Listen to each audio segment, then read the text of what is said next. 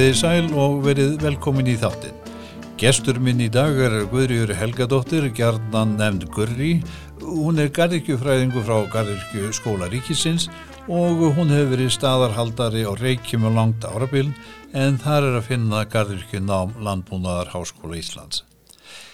En áðurum við vindum okkur yfir í að tala um Gardirkju, þá held ég sér rétt að nefna og minnast þess að við hátilega aðtöfn á bæsastöðum í byrjun ás Þá sæmdi fórsett Íslands þegar heiðusmerki hinnar íslensku fólkórðu.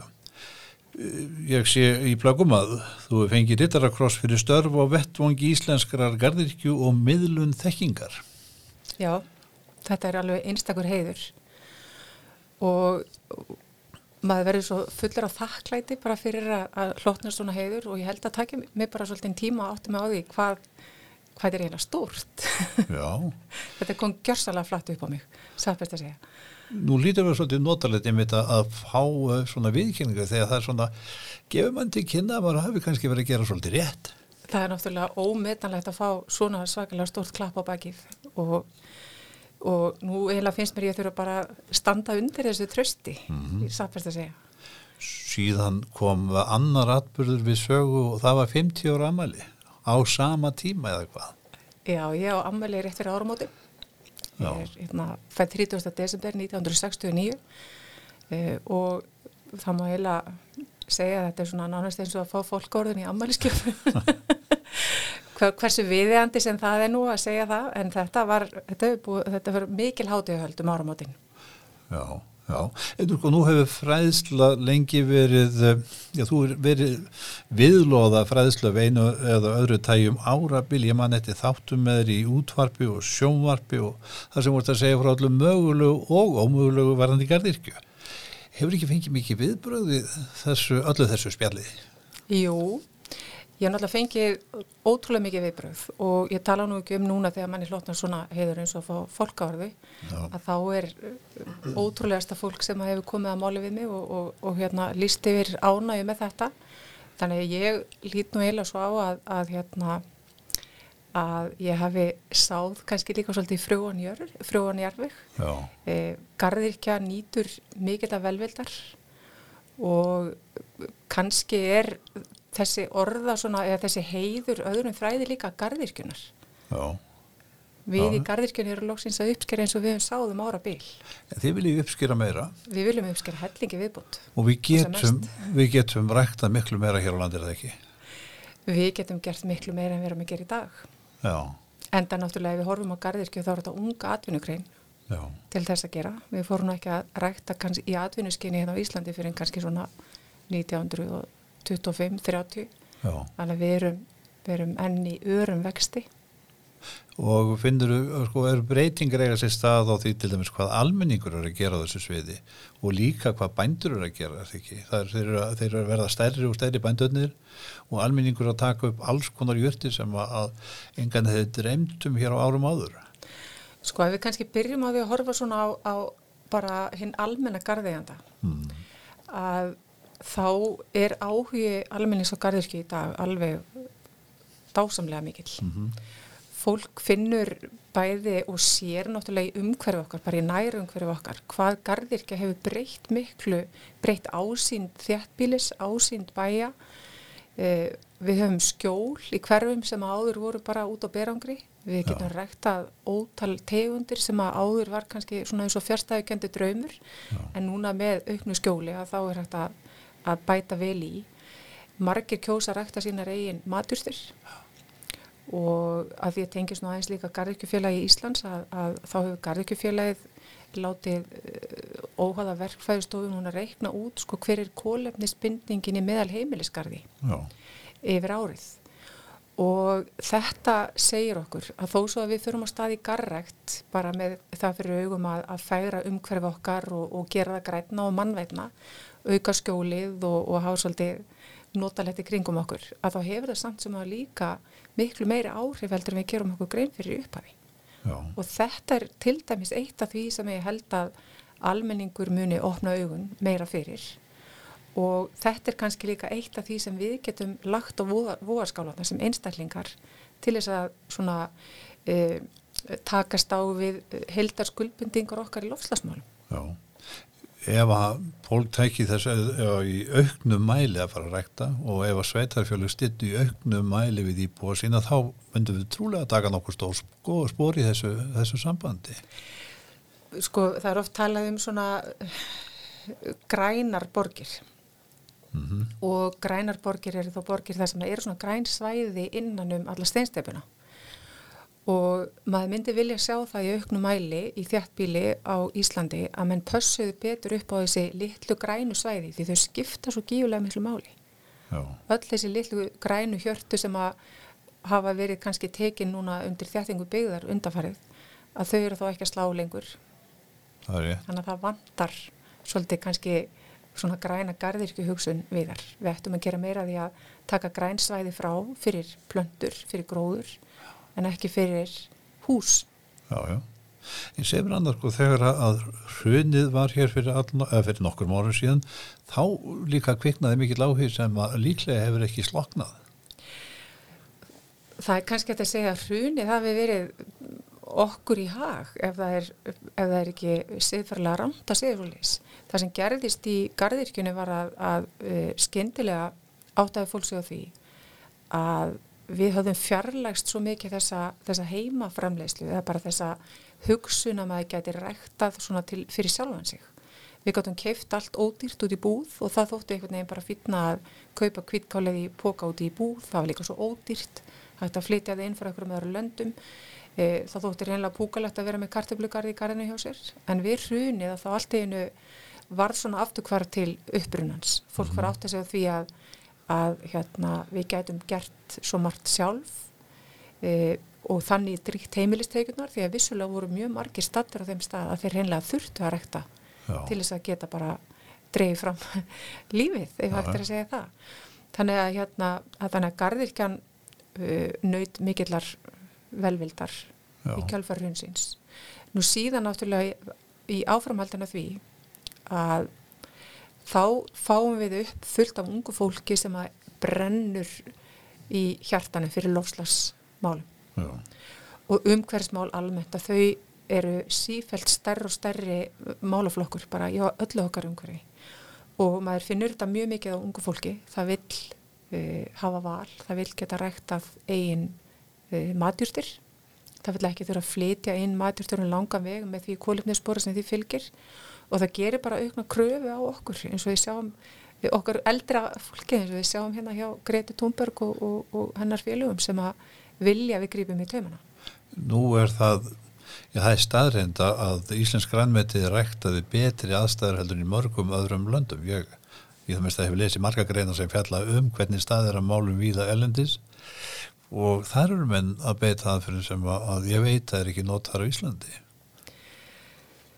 Við búum svo vel á Íslandi að við náttúrulega höfum jarðhýta og jarðhýtin kemur bara beint upp úr jörðinni, hann er einst náttúrulega orka eins og hægt er að húsa sér og veldur ekki, sem það er engin lósun á einhverjum gróðurs og loftegjöndum e, þegar jarðhýtin kemur upp úr, upp úr jörðinni, þannig séð, e, það er allavega ekki verið að losa koldvísýring. E, við erum með, við vökuðum allar plöntur á Íslandi með neysluvatninu sama vatn og við drekkum úr krananum, það er sama vatn og við bara notum í vökun, í rektun.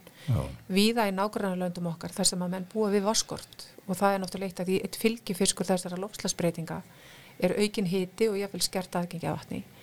Að víða þurfa menn að nota annarsflósvatn í vökun og þetta skila það sér í gæði í gæðum plantnana og afuruna sem við erum að selja, við erum með tandurreint vatn. Hvað með eituröfni? ég held að íslenskir garðirkjubændur að þeir eru nú komlið það langt í sinni rættunatækni að, að nótkun eiturefna er bara hverfandi Já. og ég fullir í það bara menn að það farið inn á, inn á aðra brautir til þess að í gróðrúsaframleyslunni að það er nánast sama en í hvaða gróðrúsu kemur þú sér það allstaðar suðandi bíflugur sem eru að, að frjóka og fræfa plöntunar og þú sér kongulofavefi á plöntunum og þegar um leið og sér kongulofavefina þá veistu að þessi tiltegni búndi að hann er að nota lífranna varnir. Og lífranna varnir ganga náttúrulega út á það að nota náttúrulega óvinni myndirana gegn myndirónum og um leið og menn eru komlir í soliðis e, búskap þá geta þær ekki nota efni. Þannig að það dreipur allt bæði gott og slengt það er nokkuð til í því. En semst að það er liðins á tíðmi og nú vitnaði gamalt viðtalið við þig uh, og það er einfallega þannig þegar ég byrjaði í Garðirkju voru það aðeins sérvitri lúðar í loppafeysum sem voru að róta í moldiði þetta er beint tilvittin í þig já, og göflu viðtali. þetta var mjög fín tilvittin þannig að já, þetta hefur breyst sem ekki vist e, þetta með sko lópapeysunar sem er náttúrulega háttísku klæðnar að mínum mati og ég reyna að klæðast lópapeysu helstu tilefni e, ég veit ekki þannig með lúðaskapin ég myndi nú kannski í dag segja frekar svona sérvitringar en ég held að þetta sé það mest cool sem þú getur gert í dag Já. það er að rækta garðin En hver er þá staða garðkynnáms á Íslandi? Hvernig er staðið að því að því námi?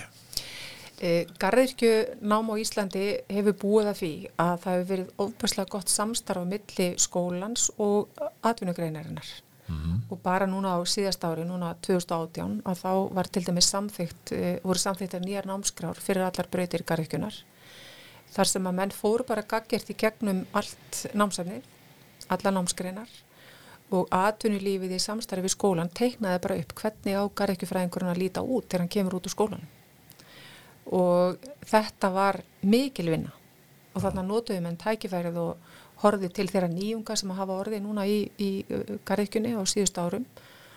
Og útkoman var bara uh, að mínu mati skrampi góðun ámskram fyrir garðikjuna sem var síðan samþitt að mentamalraðanitunum síðast í einn, eða sett fyrir ári síðan 2018, rúma eitt og halvt ár síðan. Já, þú skiptir máli hvernig, eh, ná, hvernig þarna námfólki fær og hvernig það nýtist á atvinnulífinni framtíðinni. Og sér þú fram á að þetta gangi áfram þannig eða? Það er einhverja breytingar, ég heilt halað um einhverja breytingar á þessu öllu saman ekki satt uh, á náminu sem slíku.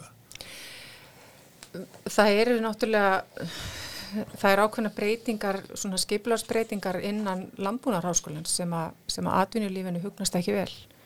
Og, og það er lúta því að, að fara á starfsmyndanámið að fara inn í þrjára háskóla deildir e, menn telja það sé ekki starfsmyndanámið til framdráttar að vera með það inn í háskóla deildum þar sem að e, menn hafa verið með svona samkrull e, háskólanáms og, og, og starfsmyndanáms að það er e, verðbólgan í náminu alltaf svona í áttina að háskólanáminu. Þannig að starfsmyndanámi líður fyrir það. Menn óttast að það verði niðurstaðan í þessu. En nú hefur verið stopnaður starfsópur og vegum mentamálraðuniti sín sem ágaggjert að fjalla um stöðu starfsmyndanáms innan Lambúnar Háskólans Já. og ég bara veinti þess að útkomunu þeim starfsópi verði náminu í hag ja, Því að um, það er í það minnst að mín skoðun að það sé óhefilegt að flytja allt nám á háskólastík því að stundum sé betra að útskrifa yðnarmenn og, og gardikjufræðinga og slíkt en í staðis að menn setjist uh, á langan skólabekk. Hugmyndir uh, rektors og háskólaráðs í breyting og skipuriti hafa nú ekki verið þær að færa uh, starfsmyndanámið á háskólastík. Hins er að verða að setja inn í háskóla dildir. Og eðli námsins í háskóla og í starfsmyndanámi er náttúrulega tölvört ólíkt mm -hmm. e, kröfur til starfsmanna í háskóla og til starfsmanna í, í hérna, starfsmyndanámi er líka ólíkar Já. Þannig að það sem að menna hafa kannski helsta ágjur af er að þetta samræmist ekki, þetta sé ekki gott að hafa þetta saman í samkrulli verðin þess að starfsmyndanámi muni líða fyrir það. Já. En uh, nú er þetta semstu komið í, í ráðunettið og þar munum menn vaflust taka einhverjar góðar ákvarðanir að þið teljum.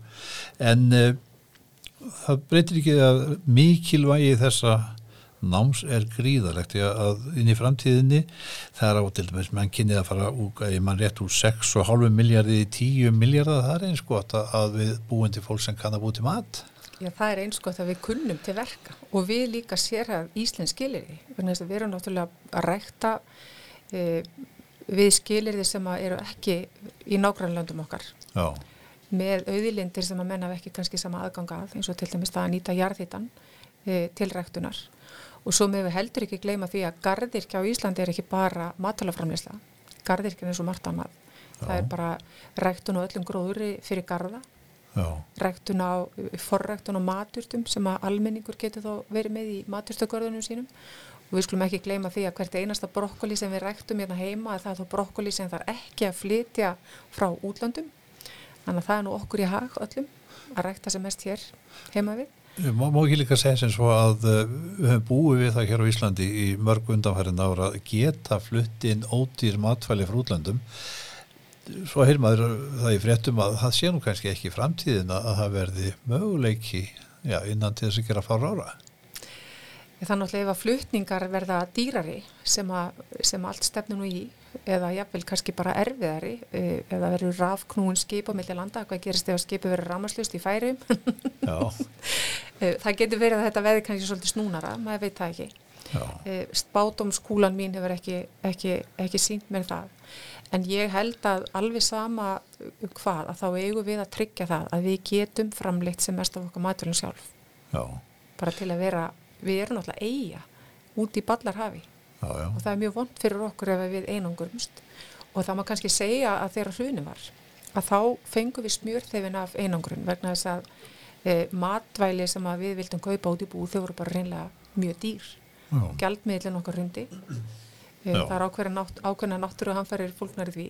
Já. og þá skipti bara miklu máli að við gátum framleitt tölvert hérna heima en að því ég var að tala um að sko gardirkja væri meira heldur en bara matvælaframlista við erum náttúrulega líka með í gardirkjunáminu hjá okkur reykjum, erum við líka með skóratanum og það er nú eitt af því sem við ætlum að gera sem þjóð til að breyðast við skuldmyndingum okkar í lostasmálum, þar að við ætlum að rekta skó og við erum að rekta fólki sem að rekta skógin og, og sem að fer síðan líka inn og hegur niður trén.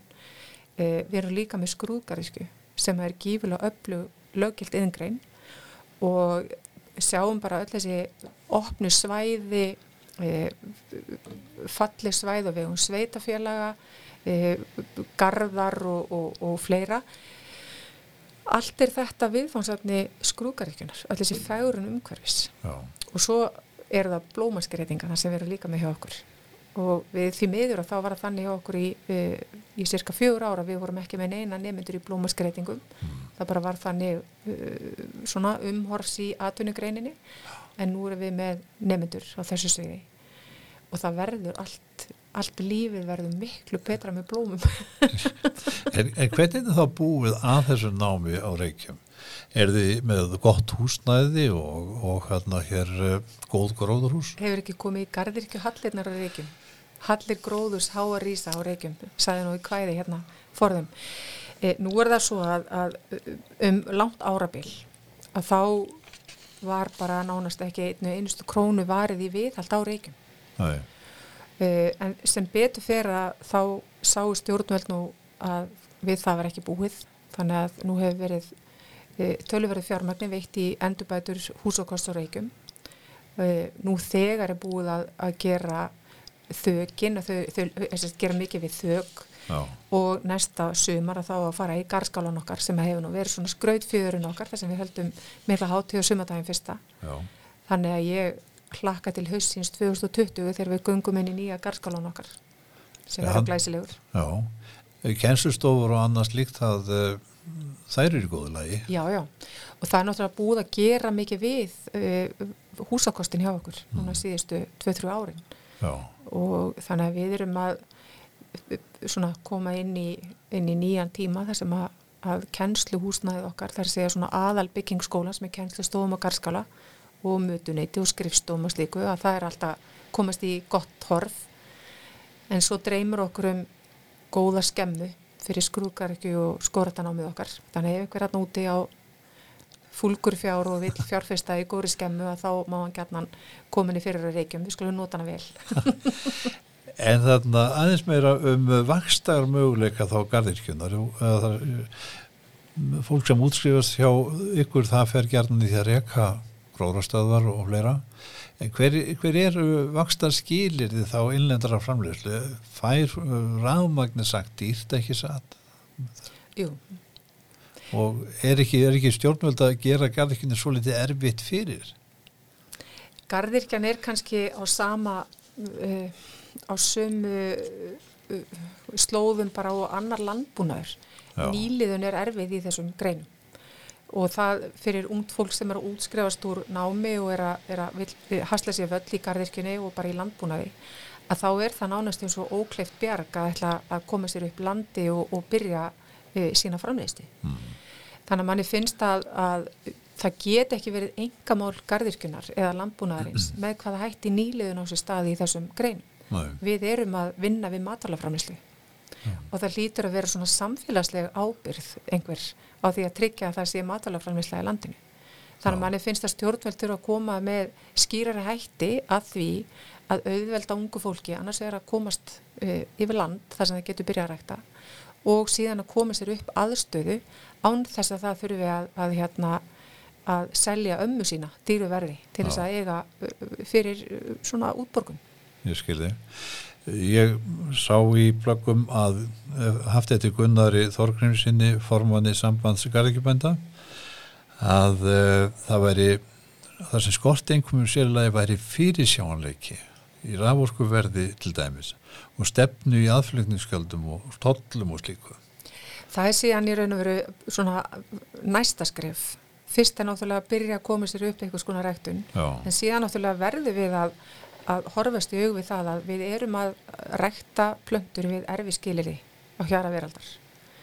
Við erum að keppa við innflutning þar sem að verður að rækta plöndur við miklu hendur í skilir heldur en hér þar sem að menn þurfa ekki að leggja í saman stoppkostna til dæmis til þess að geta að fara á stað með sína framlegslu og það er ekkert óæðilegt að stjórnvöld stiði við þessa atvinnugrein eins og við aðrar atvinnugreinar með tollvernd eða með því að aðstóða ungd fólk við nýliðun eða jáfnvel bara að við fáum ráðurkuna í garðirkjuna á samaverði og til dæmis bara stórið.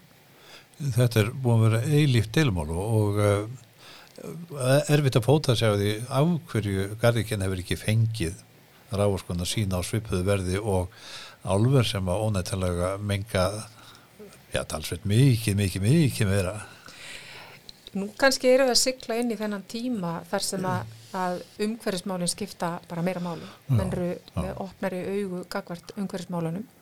Og þá held ég að garðirkjan eigi alveg gífulega mikið inni. Og við sjáum bara, ég held að séu svona kannski tvær áttir ef við erum að horfa svona matalaframlistin í gardirkjunni að þá erum við að fara svolítið í tvær áttir. Annars erum við að fara inn í svona háttækni gardirkju e, sem að við náttúrulega erum með ótrúlega flinka gardirkjumenn sem að erum með vel tækjum búin gróðrús og við að hérna, stýra sinni rektun og þetta er þú veist, þeir eru með eitthvað app í símanum þar sem þeir geta stilt svona upp á brotur gráðu hittast í gróðurusinu eða, lýsingin, hún er eina, tvær mínútur fram yfir eitthvað Já. en síðan erum við líka í heina áttina með e, fólk sem að vil rekta með lífrænum, aðferðum lífrænarektunar mm. Og það er mikil eftirspurn eftir slíkum afverðum en við getum auki verulega mikið við framleysluna Já. og þar vantar okkur reynir veru bara land og það vantar, og það er reyndar, eru styrkir í dag til handa þeim sem er að byrja inni og, og heimitt núna í bændablaðinu bara á haustuninni. Þá við talum tvo nefndur okkar Já. sem hafa farið á stað með einn rektun og það er bara dásamlegt að sjá ungd fólk sem að er að leggja á stað í þessa vegferð Já. og við þurftum bara að sjá fleiri Á það hefur bend margóft að uh, matvæla öryggi skiptir miklu þegar það kemur að því sem að, að menn neyta matvælin verða að vera örug. Það hafa fundist fjölónamöra bakteríur í influttu grænmeti en ég múi fullir að það hafi aldrei fundist í íslensku. Ég get nú kannski ekki fullirt um það, ég veit ekki til þess að hafi fundist fjölónamöra bakteríur í íslensku grænmeti. Uh, Mar heyriði náttúrulega um rannsóknir sem voru gerðar í fyrra þar sem var verið að tala um Eh, fjölónumabakterjur í, í innflötu grænmiti eh, og auðvitað er þetta mjög alvarlegur hlutur þegar að koma upp svona síkingar sem að tengjast matvælum, hvort sem það er grænmiti eða eitthvað annað. En það er líka annað sem við þurfum aðeins að velta fyrir okkur og það er að við flytjum inn grænmitist tegundir sem að jáfnframt er verið að framlega hérna innanlands og fyrir ekkert svo löngu síðan að þá komu upp alvarleg síking í tómutum Já tveir uh, verisjúkdómar sem, sem að voru alvarlegir. Það kom líka upp síkingi í gúrkum. Þetta eru náttúrulega sjúkdómar sem er leggjast á plöntur og hafa ekki áhrif á menn. E, þannig að það var engin hætta á ferðum fyrir almenning að borða grænmeti sem að hafði þó fengið eitthvað svona plöntu kvef. En fyrir framleysluna þá er það mjög alvarlegt. Og fyrir gardirkjubónda sem að lendir í svona síkingu að hann verður náttúrulega að taka alla plöntunar, henda þeim út. Og svo má hann ekki rækta í viðkomandi e, rými í svolítinn tíma til þess að koma í vekk fyrir þessa síkingu og þetta er mjög alveglu hlutur þegar svona kemur upp. Og ég bara fullir í það að fyrir gargjubónda sem lendir í þessu þá er þetta bara algjörlega sambarlegt og fyrir sögfjörbónda þegar hann fær upp ríðuviki og við verðum líka veltaði fyrir okkur hversu mikil svirði er okkur að stöðula að heilbreyri framlýslu innanlands. Já. við leifum ekki innflutning á lifandi sögfjö og við reynum allt sem við mögulega getum til þess að draga úr síkingum í búfjórstofnun okkar. Við verðum að umgangast plöntustofnana líka með sama með sömu varkar En einhverjulega vegna hefur garðin ekki notið þess skilning sem sögkindin hefur Já, kannski við garðurkjufólkum ofast kvartað undan því þegar kemur rollin í garðin og getur jarðabæra plöntuðar, við kannski líðum fyrir það. Það getur verið. Eh, ég hugsa að það sé nú kannski líka svona sögulegt, við erum náttúrulega, garðikjan er svo ung atvinnugrein. Og við byrjum að rækta í gróðursum á Íslandi í 1924 og það er kannski svona síðustu 30-40 árum sem við sjáum svona stór fyrirtæki verða til í garðirkjunni e, og hafði sagt það að þá náttúrulega eru ef við horfum á garðirkjunni sem hluta landbúnaði að þá má segja að svona stærstu fyrirtækin í landbúnaði eru garðirkjufyrirtæki það er að segja þau fyrirtæki sem eru með flesta starfsmenn. Þannig að þetta er engin þetta er alvöru. Já, já. Ég man alltaf þegar ég var að byrja að vinna í garðirkjun og þá var náttúrulega mikið að gera við sumarið og, og þegar ég ákvaða að fara og læra garðirkju að þá man ég ekkert mann eftir ég hafa spurðað þig og hvað ætlar þú að dúla þér við yfir veturinn og það kannski er svona hefur verið svolítið algeng hugsun að, að garðirkju er eitthvað sem að maður svona dunda sig við yfir sumarið. Já. en garðirkjustöð sem er með eða, eða skrúgarikjufyrirtæki eða, eða hvað garðirkjufyrirtæki sem er sem er með 10-30 manns í vinnu það er enginn að dúlla sér þannig. Nei, ég held að ég get ekki staðfest að ég hef komið inn í garðirkjustöð af vetralagi en eitt sem langar þess að nefna það eru rannsóknir í garðirkju uh, ég gef mér, mér réttu að runga að er mættu vera meiri uh, Við höfum náttúrulega í gegnum tíðina þá hefur Garðirkjuskólinn sendt rannsóknum í Garðirkju og svo setna Lambúnarháskólinn. E, markmiðið með þessum rannsóknum hefur náttúrulega verið að koma með hagnýttar rannsóknir sem að nýtast atvinnugreinni sem allra fyrst. Já. Enda hafa Garðirkjubændur og raun og veru fagráð Garðirkjunar hefur fjallað um þessar rannsóknir og menn hafa síðan sótt um styrki til þess að, að hérna, standa ströma kostnaði við þessar rannsóknir. Mm. E, það má kannski segja að það mætti vera fleiri sjóðir sem hætti vera að segja um e, stærri styrkir. E, þannig að auðvitað náttúrulega mætti gera meira. En ég fullir það að það er rannsóknir sem hafa verið stundar þegar að skila sér þráðbeint aftur til karkjubænda en það hafa þessar rannsóknir verið stundar í sam, samvinnu við þá tilröðna gróðurhúsu og reykjum sem að þar sem að við höfum í raun og veru einu aðstöðina í landinu til þess að sinna hagnýtum gargjuransóknum að það er byggt í samstarfi gargjubænda og skólans á sín tíma. Já.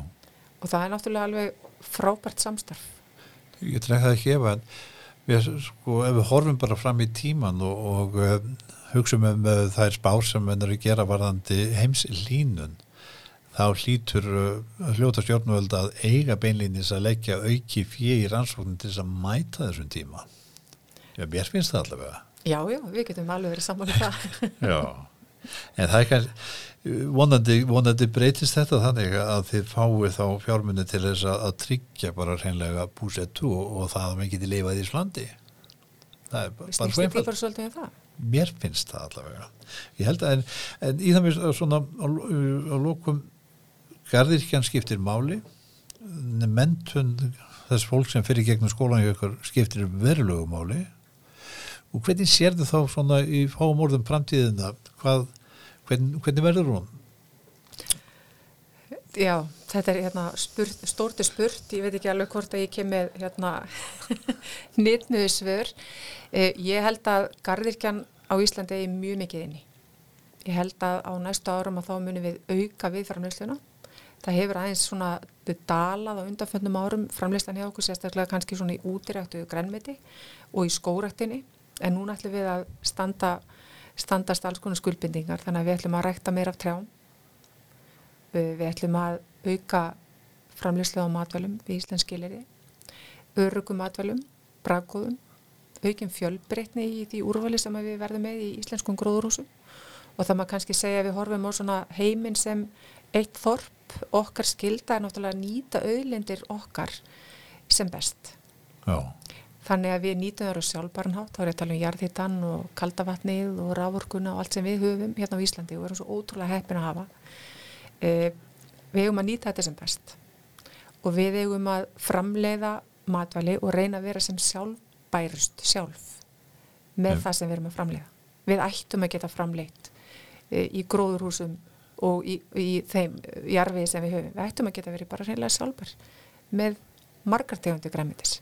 Já. og ávasta líka og ég held að fyrir þá sem hafa áhuga að starfa svona þægur umhverfis og, og, og, og starfa við fjölbreyta ótrúlega spennandi gefandi og skemmtilega atvinnugrein þá ættu við tvímjöldust að velja garðvirkju því það er bara ekkert betra Hefur þú ekki hvetja fólk til að fara inn á heimasíðuna og lesa sér til um námið hjá þeir? Ekki spurning og mæta síðan bara í gardirkjunámi í haust. Allar brautir, ofnar. Hvernig verður það? Takk að þið fyrir að koma. Takk.